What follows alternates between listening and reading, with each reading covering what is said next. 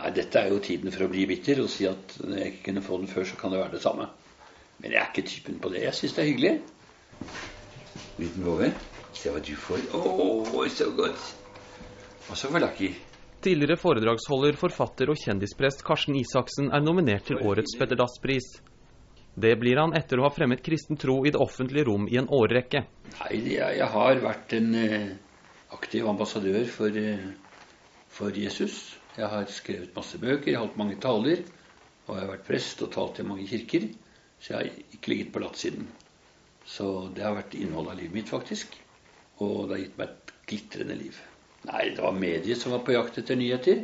Og så fant de ting hos meg som, eh, som de ville bruke. Så, men jeg hadde ikke sagt ting for å komme i media. Men eh, så ble det til det at jeg ble ganske mye i media da etter hvert. Så de siste 20 årene har jeg virket mer i det stille. Hvorfor ble du stille for 20 år siden? Jeg hatet å bli kalt for kjendisprest. Og jeg var villig til å gjøre hva som helst for å bli kvitt det obskjønne uttrykket. Nå er jeg kvitt. Der sitter han ofte. Nå er han preget av nyresvikt, men så snart han får en ny nyre på plass, er han klar for flere foredrag, flere bøker og en ny medievind. Arbeidslisten er det plenty av. Og skulle jeg valgt sykdom her i livet, så ville jeg valgt nyresvikt.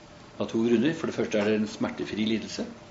Og for det andre, så den dagen man får den nyren på plass, neste morgen er man frisk. Nå tror han kirken står overfor en ny tid. Jeg ser for meg at vi står på terskelen til nye, fantastiske åndstider og ny begeistring for Jesus.